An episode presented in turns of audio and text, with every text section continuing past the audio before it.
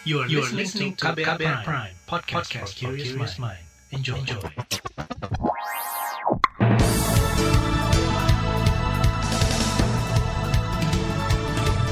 Halo selamat pagi saudara, inilah Buletin Pagi hari ini edisi 7 Juli 2021 Senang sekali saya kembali hadir pagi hari ini Dan pagi ini sambil menemani Anda beraktivitas kami telah menyiapkan sejumlah informasi untuk Anda Di antaranya Pemprov DKI tutup sejumlah perusahaan karena melanggar aturan PPKM darurat Kemenkes klaim percepat vaksinasi untuk hadang virus varian Delta dan Komnas HAM Papua desak penyelesaian peristiwa biak berdarah.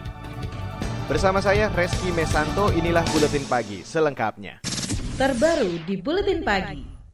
Saudara, pemerintah Provinsi DKI Jakarta menutup paksa sejumlah perusahaan yang nekat memaksa karyawannya bekerja di kantor di masa pemberlakuan pembatasan kegiatan masyarakat atau PPKM Darurat Jawa Bali. Padahal perusahaan itu tidak termasuk sektor esensial dan kritikal. Hal itu terlihat dalam inspeksi mendadak yang dilakukan Gubernur DKI Jakarta Anies Baswedan di salah satu kantor non-esensial di kawasan Sudirman, Jakarta kemarin. Selain menutup kantor, Anies juga bakal memproses pidana pelanggaran itu sesuai dengan Undang-Undang Wabah Penyakit. Saya tadi mendatangi bersama dengan kepolisian, tim Dinas Tenaga Kerja, kantor-kantor di Gedung Pencakar Langit Jakarta. Di lantai 43, semuanya adalah orang-orang yang sangat terdidik. Dan kantornya bukan kantor yang termasuk esensial, bukan termasuk kritikal, tetapi semua tetap bekerja, bukan saja melanggar peraturan, tapi tidak memikirkan keselamatan. Gubernur DKI Jakarta Anies Baswedan juga mengimbau masyarakat agar segera melapor bila menemukan pelanggaran PPKM darurat di tempat kerja mereka. Selama PPKM darurat, perusahaan yang tidak masuk kategori penting atau esensial harus memperlakukan sistem bekerja dari rumah. Sementara itu, Dinas Tenaga Kerja DKI Jakarta memastikan bakal menjatuhkan sanksi jika ada perusahaan non-esensial yang melanggar aturan PPKM darurat.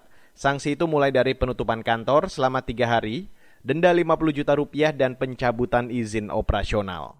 Sementara itu, Saudara Koordinator PPKM Darurat Jawa Bali, Luhut Binsar Panjaitan meminta perusahaan sektor non-esensial tidak memecat atau memberhentikan pekerjanya semasa PPKM Darurat. Menurut Luhut, pemerintah mewajibkan perusahaan sektor non-esensial agar memperlakukan sistem bekerja dari rumah dan tidak memaksa karyawan bekerja di kantor. Ia juga menyarankan pekerja melapor ke Dinas Ketenagakerjaan jika dipecat dari pekerjaannya karena tidak kerja di kantor semasa PPKM darurat. Oleh karena itu saya sebagai koordinator PPKM darurat memastikan agar karyawan yang tidak bekerja di kantor untuk tetap uh, untuk perusahaan non esensial, sama perusahaan sektor non esensial yang sedang menjalankan work from home tidak dapat diberhentikan secara sepihak oleh perusahaan atau dilakukan pemecatan. Luhut Panjaitan yang juga Menko Maritim dan Investasi meminta Menteri Ketenagakerjaan Ida Fauzia segera mengeluarkan surat perintah agar perusahaan sektor non-esensial tidak memaksa karyawannya bekerja di kantor dan wajib memerintahkan seluruh karyawannya bekerja dari rumah. Menurut Luhut, keberhasilan pengendalian pandemi adalah menurunkan mobilitas masyarakat, termasuk mobilitas di area perkantoran di ibu kota. Saudara Menteri Ketenagakerjaan Ida Fauzia telah menerbitkan surat edaran yang meminta perusahaan mematuhi aturan pengetatan aktivitas di tempat kerja semasa PPKM darurat. Dalam edarannya, Menteri Ketenagakerjaan juga meminta para gubernur menyampaikan imbauan itu kepada para pemimpin perusahaan agar mengoptimalkan aturan PPKM darurat di Jawa dan Bali. Sementara itu, Saudara, Asosiasi Pengusaha Indonesia atau APindo mengklaim terus mengimbau seluruh perusahaan di bawah APindo mengikuti kebijakan PPKM darurat. Ketua Bidang Kebijakan Publik Apindo Sutrisno Iwantono mengatakan, Apindo juga memastikan para pengusaha mematuhi aturan karyawan bekerja dari rumah, khususnya karyawan perusahaan non-esensial dan non-kritikal. Kita sih tidak melakukan inspeksi seperti itu ya. Tetapi kan kita Apindo kan selalu menghimbau kepada para pelaku usaha untuk selalu merespon dengan baik, dengan tepat uh, apa yang aturan-aturan yang sudah dilakukan oleh oleh pemerintah begitu. Dan tentunya uh, anggota kita juga akan mengikuti itu, mengikuti aturan yang sudah ditetapkan oleh pemerintah gitu. Salah satu ketua Asosiasi Pengusaha Indonesia atau APindo, Sutrisno Iwantono mengakui kebijakan PPKM darurat saat pandemi COVID-19 menyulitkan pengusaha. Namun Apindo tetap meminta semua pihak merespon baik kebijakan PPKM darurat guna mencegah kondisi pandemi yang lebih parah. Sementara itu, Saudara Federasi Serikat Buruh Persatuan Indonesia atau FSBPI menilai buruh dihadapkan pada pilihan dilematis karena harus tetap bekerja saat pelaksanaan PPKM darurat. Ketua Umum FSBPI Dian Septi Trisnanti menyebut, buruh terutama di perusahaan manufaktur tidak punya pilihan lain karena tidak memungkinkan bekerja dari rumah. Apalagi masih banyak buruh yang bekerja kontrak bahkan hanya dibayar harian. FSBPI menuntut kejelasan kebijakan pemerintah termasuk kepastian hak-hak buruh dipenuhi saat PPKM darurat. Nah, pemerintah itu seharusnya ketika membuat kebijakan uh, itu detail sampai ke lapangan gitu. Uh, prosedurnya seperti apa dan bagaimana. Lalu kemudian kalau perusahaan tidak sanggup, uh, pemerintah mesti bertanggung jawab dong. Gitu. Itu yang tadi saya bilang, patungan bersama dengan perusahaan untuk membiayai atau menggaji buruh selama perusahaan itu tutup. Pihak pemerintah mesti menjamin keberlangsungan teman-teman buruh. Menjaminnya seperti apa? Menjaminnya supaya tidak ada PHK. Atau kalaupun ada PHK, berikanlah haknya yang sesuai. Ketua Umum FSBPI Dian Septi Trisnanti mengungkapkan, ketidakpastian kebijakan pemerintah dan perusahaan tempatnya bekerja kerap membuat buruh memilih resiko tetap bekerja meski sedang sakit – FSBPI juga menilai pemerintah abai soal klaster penularan COVID-19 di pabrik. Saudara ICW ingatkan ancaman korupsi penyaluran bansos di PPKM darurat. Informasi selengkapnya sesaat lagi, tetaplah di Buletin Pagi KBR. You're listening to KBR Pride, podcast for curious mind. Enjoy!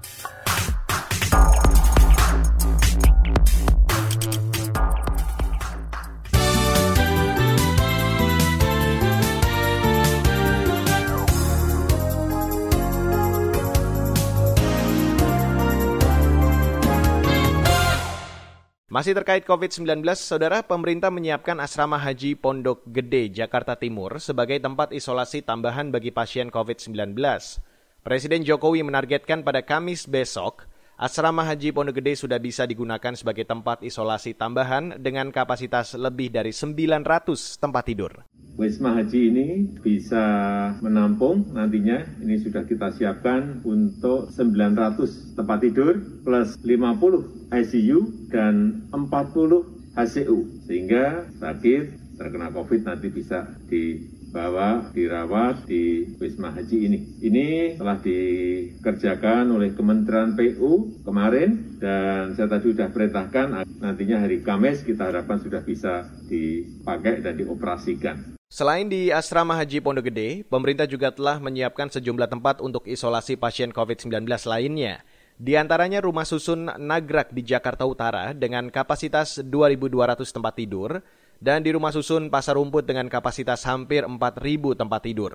Pemerintah juga menambah kapasitas rumah sakit darurat COVID-19 di Wisma Atlet sebanyak 1.200 tempat tidur. Semua dilakukan untuk mengantisipasi lonjakan kasus COVID-19. Sementara itu, ahli wabah penyakit dari Universitas Indonesia, Pandu Riono, meminta pemerintah membuat pedoman isolasi mandiri untuk pasien COVID-19 dengan gejala sedang. Menurut Pandu, hal ini harus dilakukan sebagai antisipasi jika rumah sakit dan dokter sudah tak bisa melayani pasien lantaran jumlah kasus COVID-19 meningkat drastis. Saudara, Kementerian Kesehatan mengklaim terus mempercepat program vaksinasi COVID-19 untuk menciptakan kekebalan kelompok. Dalam beberapa pekan terakhir, capaian vaksinasi per hari rata-rata menurun.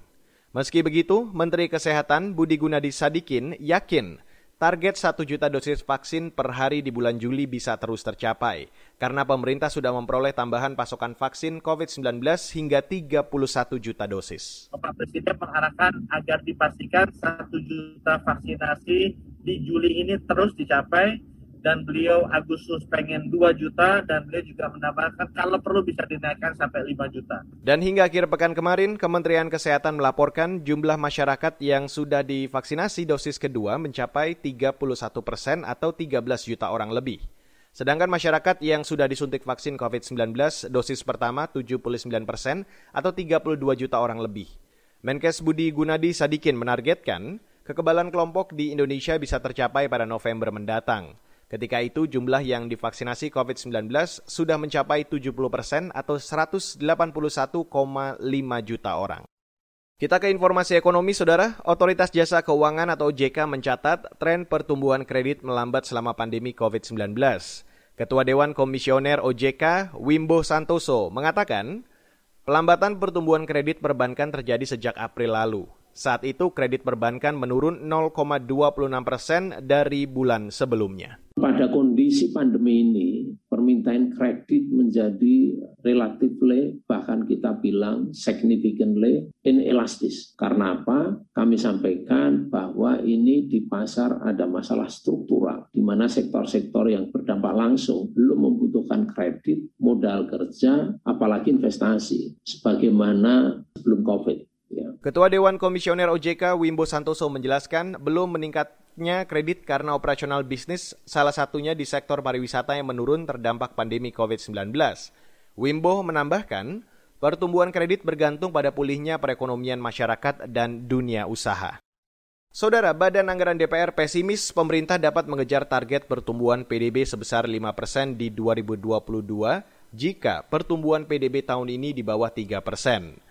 Wakil Ketua Badan Anggaran DPR Muhyiddin Muhammad Said beralasan, kondisi pandemi yang kembali melonjak dan berpengaruh pada upaya pemulihan ekonomi nasional. Semoga saja lonjakan kasus ini tidak mengganggu agenda program pemulihan ekonomi nasional yang dijalankan oleh pemerintah. Sehingga momentum pemulihan ekonomi nasional pada tahun ini kita harapkan PDB bisa tumbuh minimal 4 persen. Sebab pemerintah akan sangat sulit mengejar target pertumbuhan PDB tahun depan minimal 5 persen bila pertumbuhan PDB kita pada tahun ini di bawah 3 persen. Wakil Ketua Badan Anggaran DPR Muhyiddin Muhammad Said berharap pendapatan negara di 2022 tumbuh lebih baik meski penerimaan perpajakan masih melanjutkan berbagai subsidi fiskal hingga 2022 lantaran menopang program pemulihan ekonomi nasional selama tiga tahun anggaran.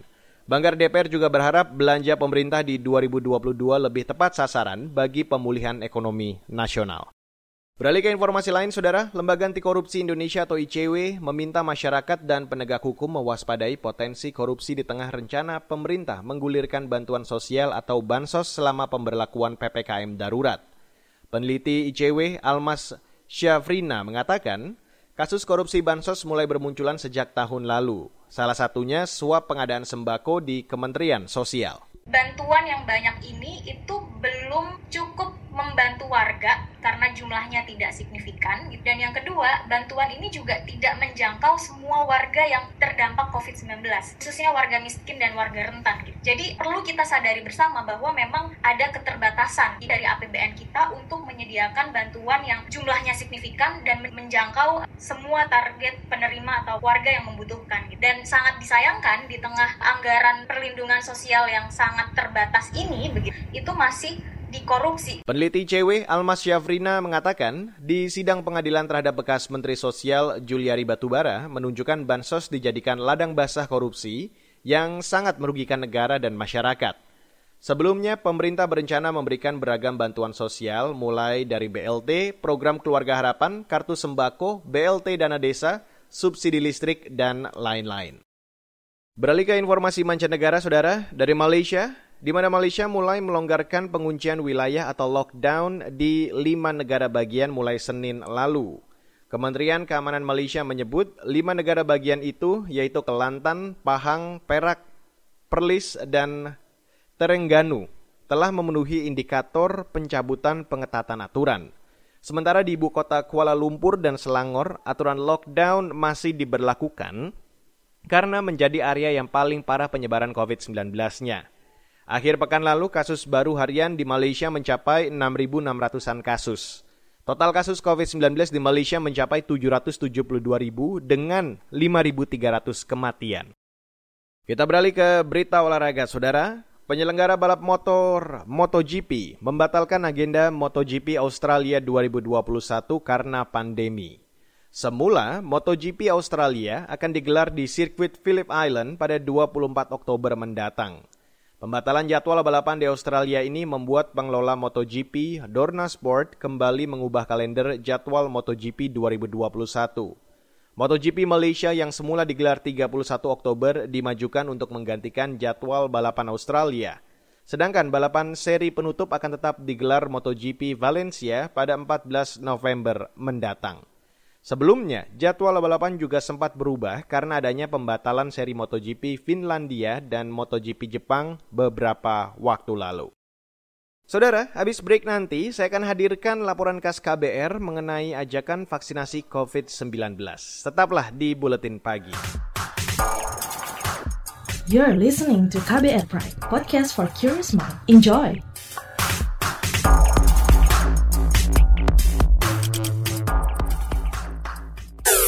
Commercial break.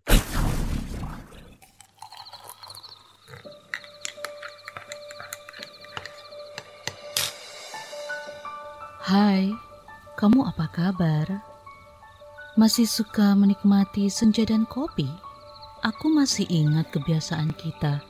Sehabis pulang kerja, selalu mencari tempat untuk sekedar ngobrol dan ngopi. Tapi kadang kita kehabisan bahan obrolan. Aku masih melakukan hal yang sama sampai sekarang tanpa harus takut habis bahan buat ngobrol karena aku selalu mendengarkan KBR sore dari Senin sampai Jumat jam 4 sore. Ah, aku rindu. KBR Inspiratif Terpercaya.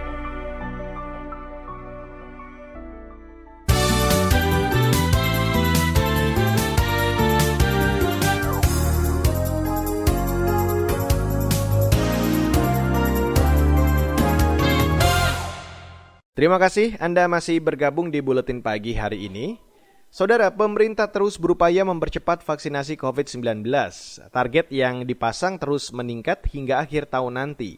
Harapannya, Indonesia bisa segera mencapai herd immunity atau kekebalan kelompok. Masyarakat pun diimbau jangan pilih-pilih jenis vaksin dan jangan melewatkan kesempatan untuk segera divaksin. Berikut saya hadirkan laporan khas KBR yang disusun Astri Septiani. Menteri Kesehatan Budi Gunadi Sadikin menyatakan pemerintah terus mendorong percepatan vaksinasi masyarakat untuk menekan penyebaran virus COVID-19 terutama varian Delta. Menkes menyebut Presiden Joko Widodo bahkan menargetkan penyuntikan vaksin COVID-19 bisa mencapai 5 juta dosis per hari. Bapak Presiden mengharapkan agar dipastikan 1 juta vaksinasi di Juli ini terus dicapai dan beliau Agustus pengen 2 juta dan beliau juga menambahkan kalau perlu bisa dinaikkan sampai 5 juta. Menkes Budi Gunadi Sadikin menambahkan target 1 juta dosis vaksin per hari di bulan Juli ini bisa terus tercapai mengingat pemerintah sudah memperoleh tambahan pasokan vaksin COVID-19. Tambahannya yaitu sebanyak 31 juta dosis. Untuk mempercepat capaian target vaksinasi, masyarakat diminta tak pilih-pilih jenis vaksin COVID-19 yang disediakan pemerintah. Menurut epidemiolog dari Universitas Griffith Australia, Diki Budiman, semua jenis vaksin COVID-19 memiliki fungsi yang sama, yaitu memberikan proteksi atau perlindungan dari virus corona. Dengan itu, Diki mendorong masyarakat jangan melewatkan kesempatan untuk divaksin COVID-19. Kalau tidak bisa memberikan proteksi, itu WHO nggak akan mengeluarkan izin daruratnya gitu karena mereka sudah memenuhi standar internasional minimal untuk memberikan proteksi terhadap uh, uh, terjadinya infeksi oleh COVID-19. Jadi kalau ada harus diambil gitu. Epidemiolog Diki Budiman juga prihatin dengan cakupan vaksinasi Indonesia yang masih rendah capaian itu masih sangat jauh dari target herd immunity atau kekebalan kelompok, yaitu minimal 70% atau 181,5 juta jiwa yang divaksin. Diki menegaskan selama jumlah orang yang divaksin di Indonesia belum memadai dan belum mencapai herd immunity, maka angka kesakitan dan kematian akibat virus corona akan terus tinggi.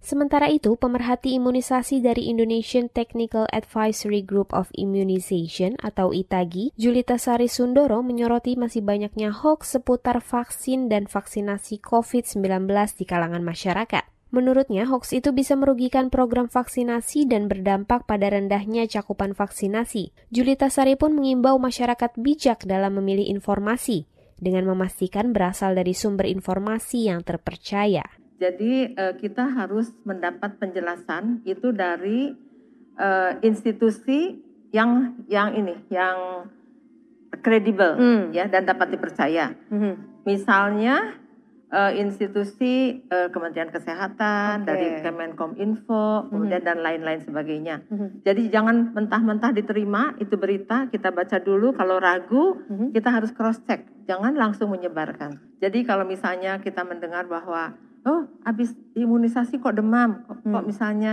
uh, apa ada nyeri di lengan, ada pegel, ya kita kan tahu waktu imunisasi bayi juga sama. Sama, imunisasi DPT. Cuma anaknya mungkin karena bayi tidak bisa bicara ya. Hmm. Tetapi kalau untuk yang dewasa menjadi di blow up ya. Padahal itu kan sesuatu hal yang normal. Reaksi-reaksi itu adalah suatu respon imun dari tubuh kita hmm. dalam hal kita akan membentuk antibodi. Di lain pihak, juru bicara vaksinasi COVID-19 dari Kementerian Kesehatan, Siti Nadia Tarmizi, mengajak masyarakat untuk segera divaksin.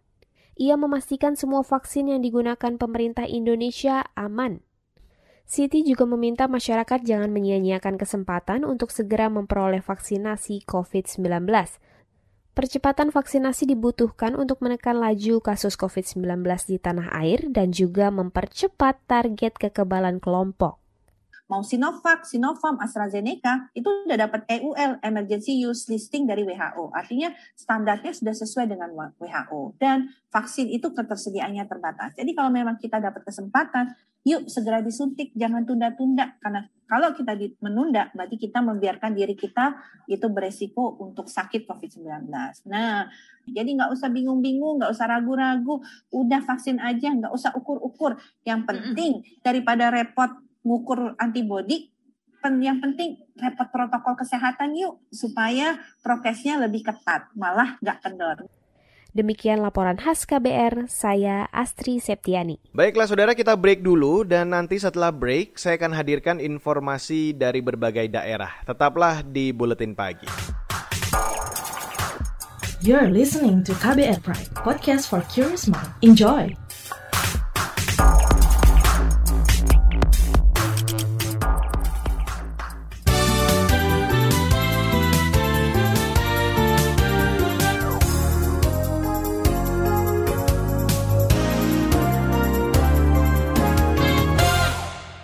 Inilah bagian akhir dari buletin pagi hari ini. Kita ke Papua, Saudara. Komisi Nasional Hak Asasi Manusia atau Komnas HAM perwakilan Papua mendesak pemerintah menuntaskan kasus pelanggaran hak asasi manusia tragedi biak berdarah.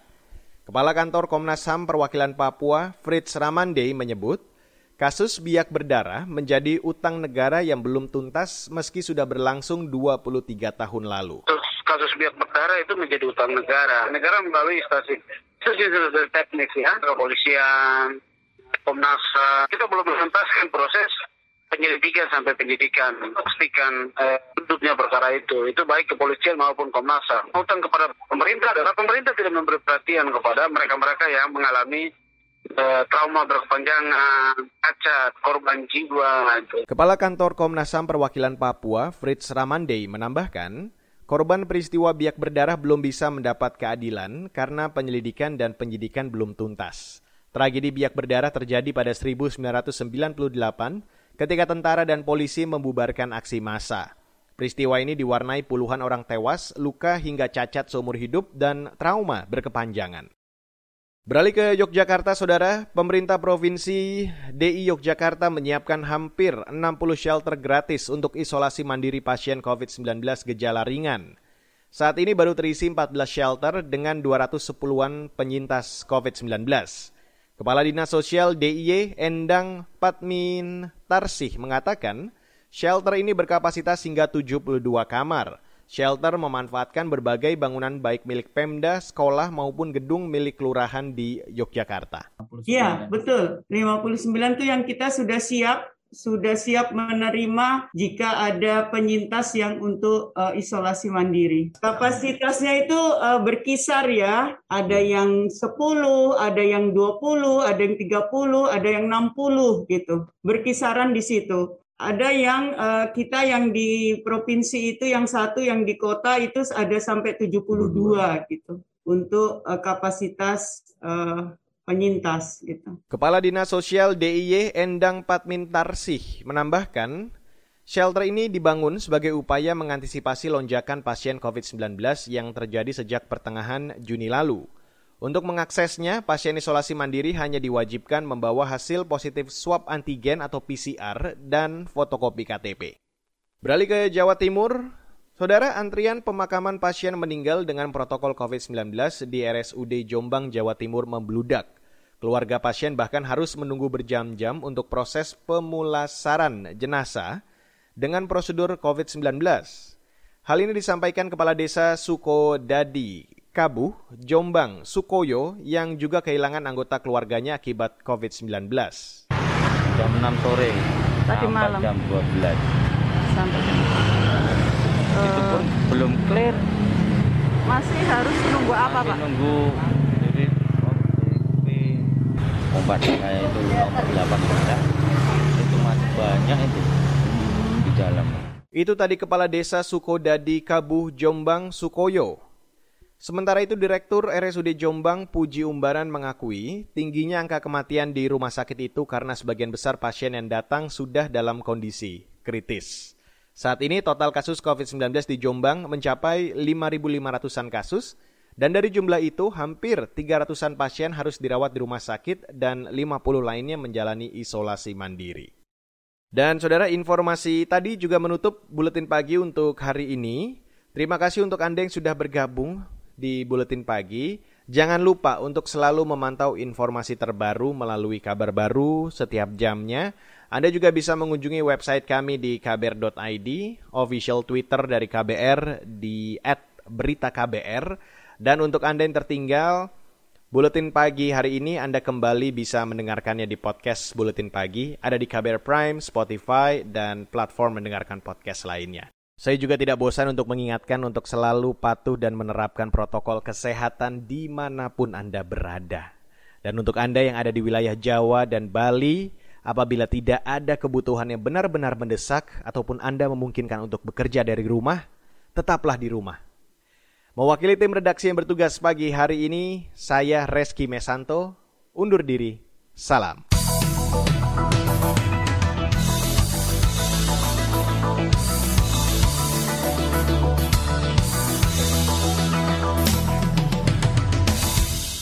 KBR Prime, cara asik mendengar berita.